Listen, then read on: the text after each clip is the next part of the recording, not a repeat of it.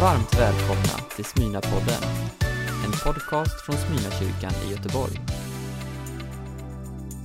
Efter en veckas paus från vår gudstjänstserie som vi kallar för Hela livets kyrka så är vi nu tillbaka.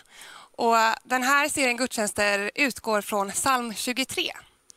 Och idag så är vi framme vid vers 5 i den här salmen. Och det är den som Urban Ringbäck kommer att predika för oss utifrån. Och ämnet för dagen är När krisen kommer. Men innan vi släpper på Urban så ska vi även få prata med Elin Resell utifrån just det här ämnet, men på ett eh, annan vinkel helt enkelt. I den här serien gudstjänster så har vi även med oss eh, ett intervjuinslag. Och idag så är det som jag sa Elin Resell som ska, vi ska få prata med. Välkommen Elin! Tack så mycket. Så roligt att få prata med dig idag. Ja. För de som inte känner dig, vem, vem är Elin lite kort bara? Eh, ja, till vardags så studerar jag. Eh, och eh, ja, alltså lite bakgrund. Så jag har varit en del av den här församlingen sedan jag var liten. Mm. Eh, det kanske det är den. Det är den, ja, men du är uppvuxen i, i kyrkan, eller i, och i Smyna ja, framförallt. Precis. Så roligt. Och vi har ju dagens ämne är ju när krisen kommer och det mm. finns ju väldigt mycket olika typer av kriser. Det finns ju de som är en kris, en omedelbar kris och sen så har vi ju vi ett år av pandemi bakom oss och inte bakom oss än, vi är mitt i det. Men det är ju en långdragen kris. Så jag tänker att vi börjar där. Hur har det här året påverkat dig? Um, det, har, um, det har nog gått i ganska, ganska mycket i vågor, mm. uh, i perioder så. Um, för ungefär, eller för ett och ett halvt år sedan ungefär mm. så kom jag hem från bibelskola. Så att jag kom hem ungefär lagom till att pandemin drog igång. Mm. Uh, vilket gjorde att jag...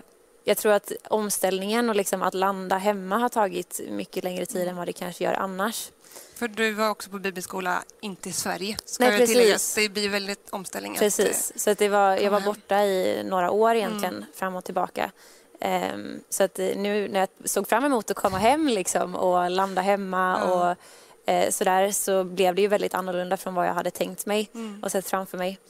Eh, ja, så att det har ju absolut varit annorlunda och ja, nära och kära som inte bor där jag bor mm. eh, som gör att det har känts ganska ensamt i perioder. Mm. Eh, ja, så att det har varit eh, många liksom, mycket sådär förhoppningar som har byggts upp. Och så ja, men tänk där framme, där, då kanske man kan göra det här.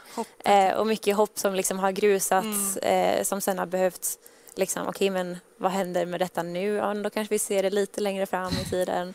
Så, så som det säkert varit för väldigt ja. många. Ja, jag tror att det är många som känner igen sig att hoppet bara skjuts, man försöker ta tag i mm. någonting hela tiden men det, mycket har ju verkligen pushats på vidare mm. hela tiden. Mm, verkligen om man ser året eh, i sin helhet, då, vad, vad har, du, har du saknat mest? om man kan, om man kan välja någonting. Nej, men vad, vad har varit liksom den största saknaden som har gjort, påverkat dig? Um, jag skulle nog säga två saker. Mm. Uh, delvis, som jag lite kort nämnde, då, så har jag saknat liksom, uh, vänskaper mm. eller så gemenskap kanske jag ska säga. Mm. Speciellt eh, liksom, när jag kommer från en gemenskap på bibelskola som var mm. där vi gjorde det mesta tillsammans så blev det en väldig omställning att komma hem och det, när det var så annorlunda. Um, så att en, en gemenskap har jag verkligen saknat mm. där, um, där Jesus också får vara i centrum. Precis. Uh, och till det så hör ju då liksom det här med att få sjunga lovsång tillsammans mm. som är, betyder väldigt mycket för mig. Eh, och få se liksom att man är många, man är fler som, liksom, som älskar Jesus. Mm. Eh, så att de två, gemenskap eh, och lovsång och liksom gemensam gudstjänst, mm. det har jag saknat. Att fira, fira gudstjänst på ja. riktigt tillsammans. Ja. Det är ju, även om man gör det digitalt så är det ju, det är en, det är ju en annan sak. Ja, verkligen. Det kan ju vara man är ju ensam fast tillsammans. Mm. Ja, verkligen. Ja. Och särskilt då när du kommer hem och tror att du ska få liksom mm. vad kan man säga, fylla på det här som du har nästan missat då i några år och varit borta. Mm. Och sen så är det ändå inte riktigt möjligt. Mm. Särskilt att ha folk även i andra städer men Mm. också andra länder Mm. som du gärna vill liksom, helst vill umgås med. Då Ja, är det, precis. det påverkar ju jättemycket. Mm. Men om man ser till din tro då, eh, hur har, har det påverkat tron på något sätt det här året? Ja, absolut. Eh, den har ju på något sätt liksom prövats. Mm. Eh, det känns som att eh, så mycket har skalats av Mm. liksom, från alltså, lager som har varit så här, det här är eh, jag och min relation till Jesus Mm. tillsammans med andra. Eh, men vad händer när jag inte är tillsammans med andra? Liksom? Mm. Hur ser min relation ut med honom? Har jag en relation med honom då? Typ? Eller så här, vad, eh, hur ser det ut liksom, i mitt Mm. liv? Eh, så att där har jag också liksom prövat och för, jag tror att jag ändå har växt liksom, i det under Mm. tiden på olika sätt. Eh, att sådär, ja, men hur, hur spenderar jag tid med Gud Mm. och så. Eh, ja, den ser ju annorlunda ut och man får liksom Vissa gånger när jag sitter och liksom tänker att jag ska spendera tid med Gud så är det ju verkligen så att jag inte märker någonting alls utan det är lite Mm. torrt. Medan andra gånger så märker jag liksom hur, eh, hur Gud kommer nära och Mm. att det, det är så speciellt att få ha sådana stunder där man liksom känner att här, ja, det är inte bara när vi är gemensamt liksom, i gudstjänst utan han är här med mig också. Superviktigt. Ja, att, Har, det, eh, ja. har du känt någon skillnad på det? Alltså har det blivit mer att du får söka, alltså göra det själv nu än vad du hade gjort annars? Eller hade det liksom, har det alltid varit en naturlig del för dig innan också? Mm, nej, inte alltid skulle Nej. jag nog inte säga. Eh, det är nog de senaste åren som Mm. jag har tänkt mer så. Liksom, Mm. att så här, jag älskar att göra det här tillsammans Mm. men jag älskar också Gud själv. Mm. Eller när jag är själv också. Eh, och hur ser det ut att älska någon? Ja, men då spenderar man tid tillsammans. Liksom. Eller Mm. det är i alla fall ett av mina kärleksspråk. Liksom, Mm. att säga, ja, men då, då vill jag spendera tid. Mm. Ehm, så att det inte, inte helnytt men Nej. inte heller liksom eh, självklart. Utan något som jag ändå får liksom pusha mig själv lite grann att göra. Du kanske typ. fick en, också en extra push när det liksom gemensamma fysiska Ja. har ju verkligen försvunnit. Och det Mm. tror jag att många, många har nog svårt för det. Eller det Mm. blir ju svårt för att så här, vem är jag själv och vem Ja. är Gud om jag är själv? Ja, Och det är det som också har lyfts ganska mycket i gudstjänster, är att Mm. Gud är ju med i vardagen. mm, Han är inte, man har ju inte bara Gud på söndagar. exakt. Och det är väl det som är viktigt. Det här är ju då, om man kan se pandemiåret som ett långt, lång eh, vardagsår. Ja, Att vi har inte fått ses tillsammans men att snart så kanske vi har en riktig söndag tillsammans Ja. igen. ja, det ska bli väldigt Det- härligt. Ja. Ja, men det är fantastiskt att få höra hur... För jag tror att det är nyttigt att folk får höra att fler har eh, fått ställa om Mm. även i sin relation till Gud. ja, verkligen. Det, Mm. Men du, du har, känner dig starkare? Eller hur känner, hur känner du? Har du varit arg på Gud? Eller kan du vara liksom Mm. nöjd med Gud, vad han har gjort det här året? Och bra fråga. Mm. Ehm, det känns som att eh, när eh, till exempel när liksom jag haft en längtan och liksom jag ser så här, ja, där framme så kommer det här ske Mm. som jag längtar efter jättemycket. Eh, när det då inte händer så, och hoppet grusas Mm. eh, då kan jag känna mig väldigt besviken och arg och trött. Liksom. Ja. Ehm, I efterhand så tycker jag ibland att det är lättare att se liksom vad Gud har gjort och att så här, okej, han var ändå med och planerade det här så Mm. det skulle bli på det sättet och det blev bra. Mm. Ehm, man vet liksom inte riktigt om det som händer är eh, en, eh, om man ska kalla det, a blessing or a Mm. curse. Mm. om man ger det till Gud så tror jag att han kan göra det liksom gott. Så att, ja, det är någon slags blandning där. Men eh, ja, jag försöker liksom att lägga det i Guds Mm. händer. Men jag tror att det är väldigt okej att vara arg. Mm. Eh, Och få bli upprörd på att allting, alla planer försvinner, alla, ja, alla sammanhang försvinner. Mm. Men att ändå i efterhand kanske vi, man ser att det var Mm. meningen med vissa saker också. mm, ja, man är ju människa. Man Ja. måste få vara människa. Ja, men det är faktiskt väldigt bra. Det, det är precis så det är. ja. Men tack så jättemycket Elin att Mm. du eh, vill dela med dig av ditt, lite av ditt år ja. och hur man kan få ha det och att vi inte är, vi är inte själva. Tack. Tack.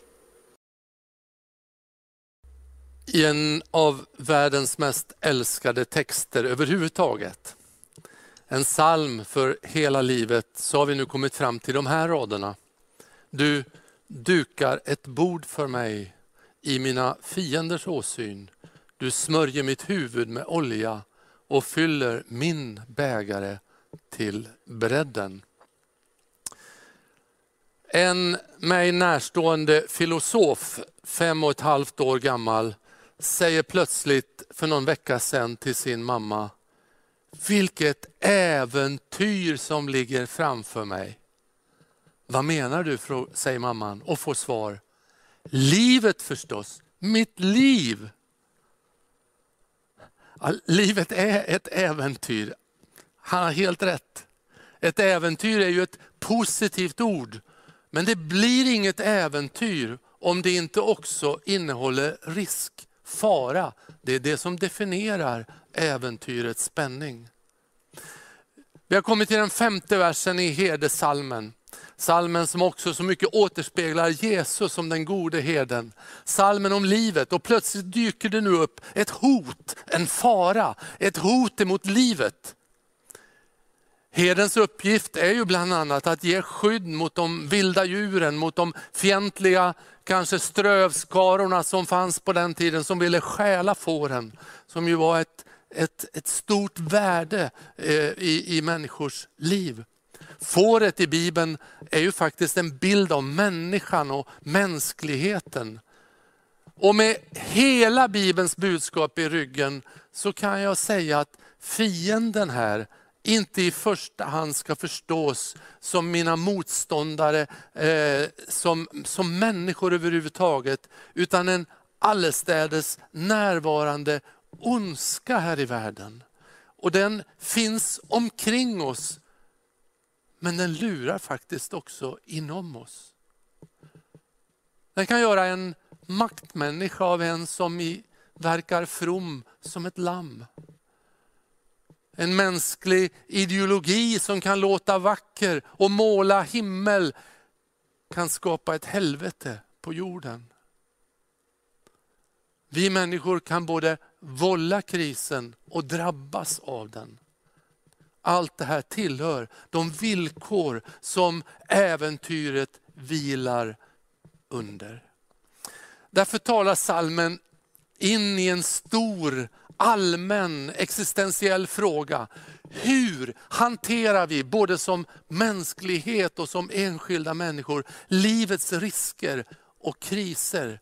Det är bara att flytta bokstäverna lite så blir risk plötsligt till kris. Och det kan gå så oerhört snabbt. Vi känner alla till att det finns faror och risker liksom där borta någonstans. På distans. Jag vet inte hur många det är som har skriften om krisen eller kriget kommer kvar eller vet var den ligger. Eller har den framme för daglig läsning.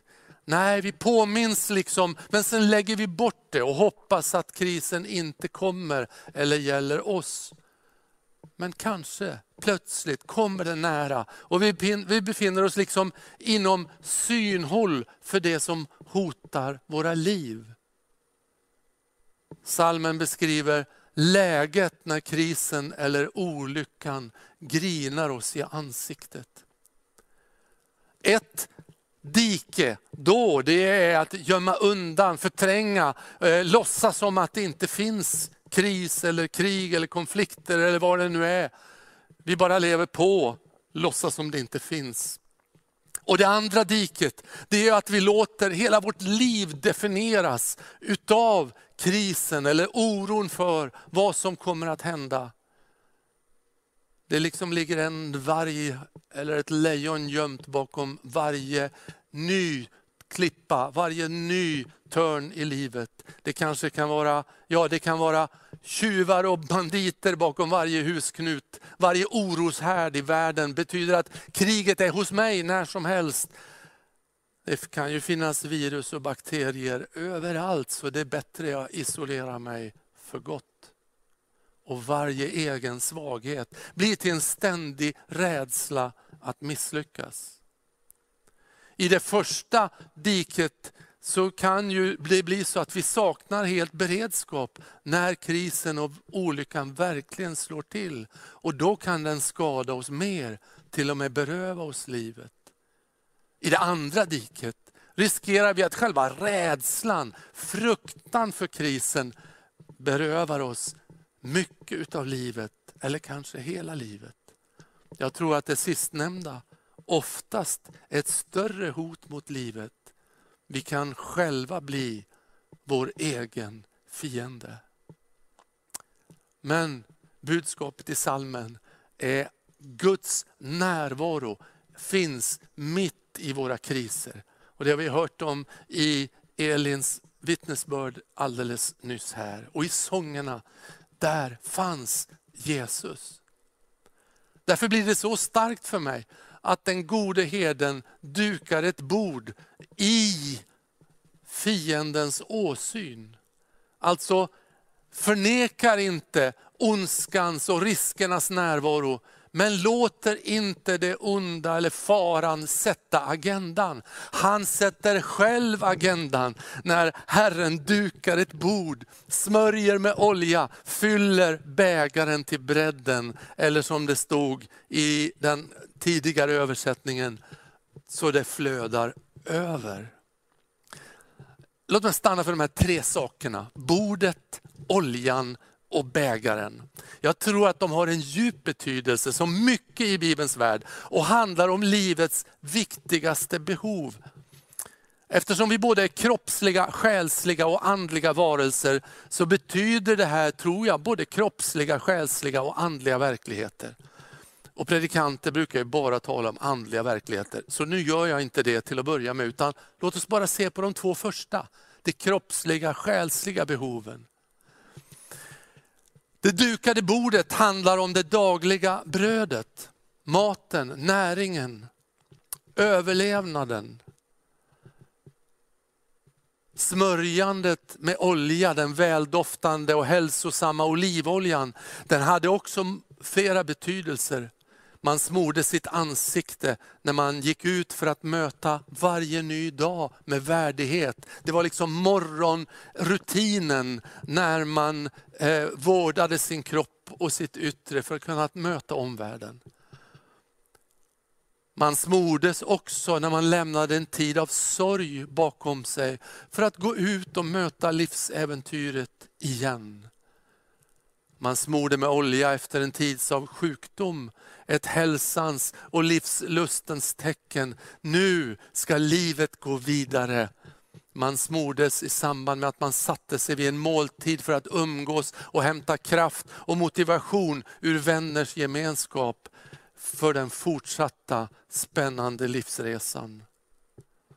Den väldoftande renade olivoljan, den står för livsmotivationen. Och till sist bägaren då.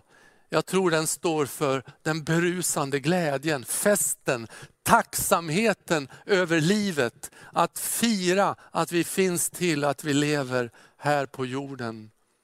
Livsglädjen. Kanske har nu det som hotar livet, det du har blivit drabbad av eller är rädd för, slagit dig till så att de här sakerna har du berövats. Att kriser och konflikter har berövat dig din livskraft. Att prövningar, sjukdom har gjort att du håller på att förlora lusten att leva.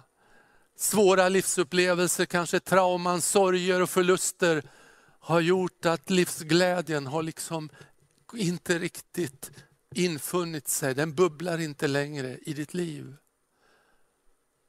eller bara rädslan för ovanstående har reducerat livskraft, livslust och livsglädje. Mitt i en farlig och riskfylld verklighet, i så att säga fiendens åsyn, så vill Gud att du ska leva. Han vill ditt liv. Han vill att du ska leva fullt ut.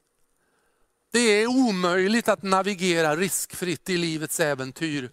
Men vi erbjuds här en himmelsk herde, en vägledare. Och han vill duka ett bord mitt i en ond värld.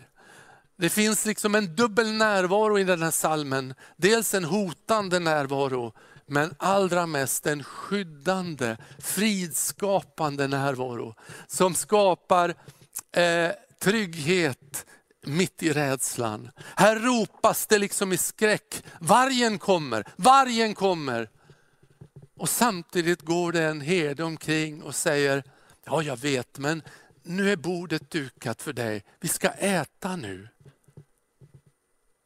Men Jesus, ser du inte vilddjuren? Ser du inte tjuven? Ser du inte hoten? Jo, säger han. Jag vet, tjuven har kommit för att stjäla och slakta och förgöra.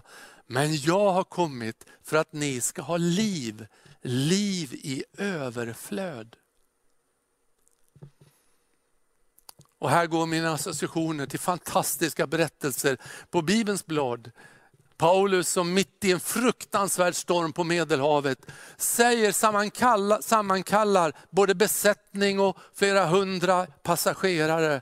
Och så säger han i Apostlagärningarna 27, ni har varit utan mat i 14 dagar och inte fått någon näring. Därför råder jag er att äta, det behövs för att ni ska klara er. Ingen av er ska nämligen mista så mycket som ett hårstrå. Han kommer med en hälsning av hopp i hopplösheten. Och jag tänker ännu mer på Jesus som ordnar med en måltid medan hans och lärjungarnas fiender håller på att samlas för att ta livet av honom. Och hotet mot lärjungarna överhuvudtaget växer. Och det är där han säger orden, känn ingen oro, lita på Gud, lita på mig.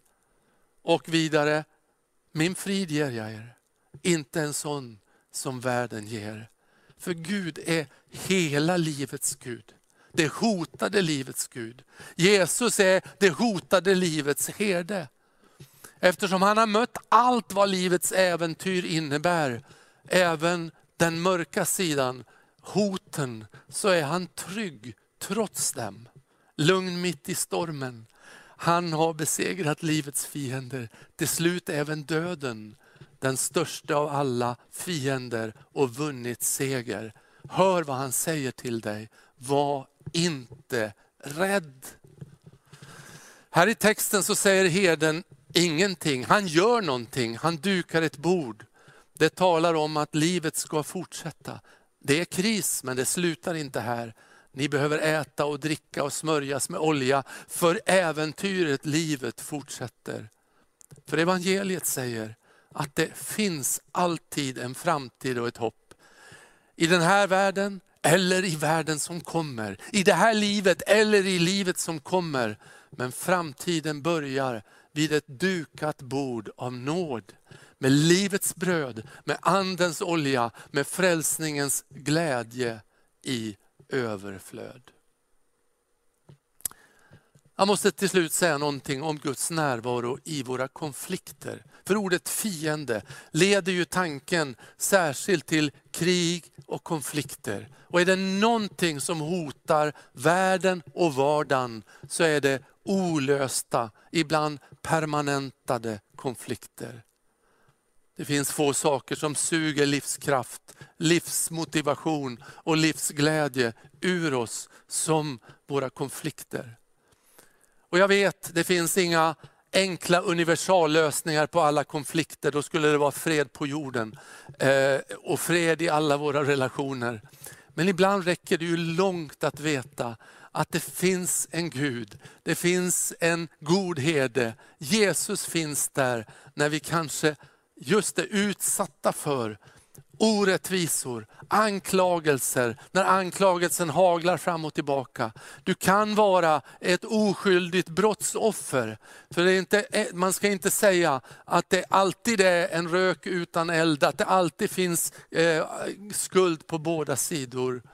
Eh, många av saltarsalmerna berör just sådana situationer. Men här måste jag lyfta in en sida till som jag inte helt kan eller vill pressa in i just den här texten. Men måltiden i Bibeln som helhet och faktiskt i de flesta kulturer är ofta en försoningens måltid. Jesus talar om att vi ska lära oss att älska till och med våra fiender. Och att vi ska göra allt för att sluta fred med varandra medan tid är. Förlåta varandra. Och när förbund slöts, när fred stiftades, då åt man och åt man ofta i, på biblisk tid.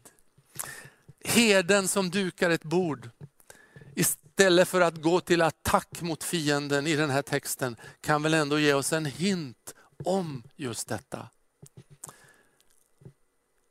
Jesus den gode heden ger sitt liv, inte bara för den ena sidan i världens konflikter, utan han dör för att i sin död försona hela världen. Och döda står det själva fiendskapen i Efesierbrevet 2 och 16. Demonisera inte dina motståndare, sådana som har andra uppfattningar om du, eller finns på en annan sida i en konflikt. De är nämligen människor och inte demoner, älskade av Gud. Vår kamp är inte mot kött och blod, säger Bibeln, utan mot ondskans andekrafter, andemakter. Allt för ofta gräver vi ner oss i skyttegravar och skjuter salva efter salva av bitterhet och tror att vi ska segra på det sättet. Det finns en väl verifierad berättelse om julen 1914 i första världskrigets västfront. Skyttegravarna, dessa vidriga ställen, eh, var så nära varandra att man kunde ropa till varandra över stridslinjen. Den där julen hade många kristna ledare vädjat om vapenstillestånd över julen åtminstone. Men krigsherrarna hade slagit dövörat till. Och så händer det någonting där på julafton. Kanonerna tystnar. Ropen börjar ljuda mellan skyttegravarna på ömse sidor. Planer läggs och upp ur skyttegravarna kryper soldater från båda håll. Det utskiftas gåvor. Man äter och dricker där i ingenmansland. Man sjunger julsångerna och man spelar till och med en fotbollsmatch. Får väl kalla det en vänskapsmatch, eller hur? Och vänskapen går så långt att man hjälps åt att begrava döda soldater. De högre befälen var bestörta och arga. Men så här skriver en soldat till sin mamma i ett brev daterat juldagen 1914. Det här är den mest minnesvärda jul jag någonsin har upplevt och förmodligen någonsin kommer att uppleva. Det måste vara något, en särskild anda med julen eftersom vi idag varit uppe ovanpå våra skyttegravar. Andra dagar måste vi ju gå med huvudena väl skyddade. Ja, det jag särskilt lägger märke till i den här soldatens brev, det är de orden, det måste vara något särskild anda med julen. Vad är det för anda som Jesus kommer med till jorden? Kommer ni ihåg vad änglarna sjöng? För en publik av herdar och får för övrigt. Ära vare Gud i höjden och fred på jorden bland människor som han älskar.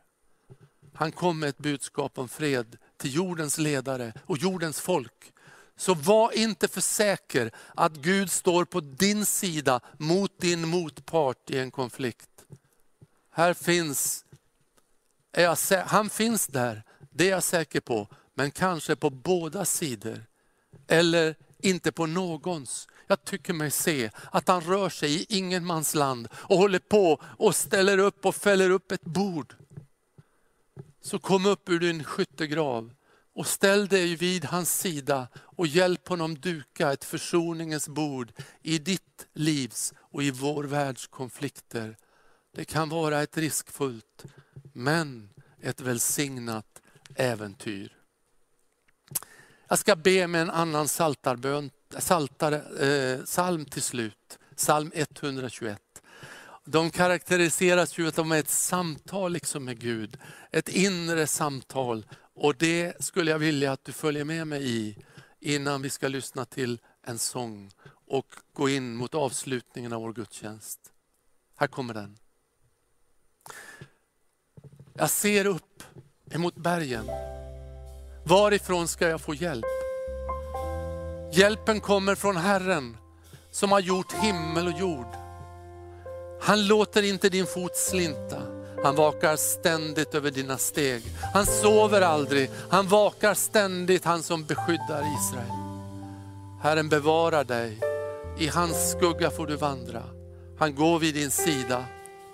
Solen ska inte skada dig om dagen, inte månen om natten. Herren bevarar dig från allt ont, från allt som hotar ditt liv. Herren ska bevara dig i livets alla skiften, nu och för evigt. Amen. Du har lyssnat på en predikan från Smyrnakyrkan i Göteborg. Hjärtligt välkommen att lyssna igen eller besöka Smyrnakyrkan. Gud välsigne dig och din vecka.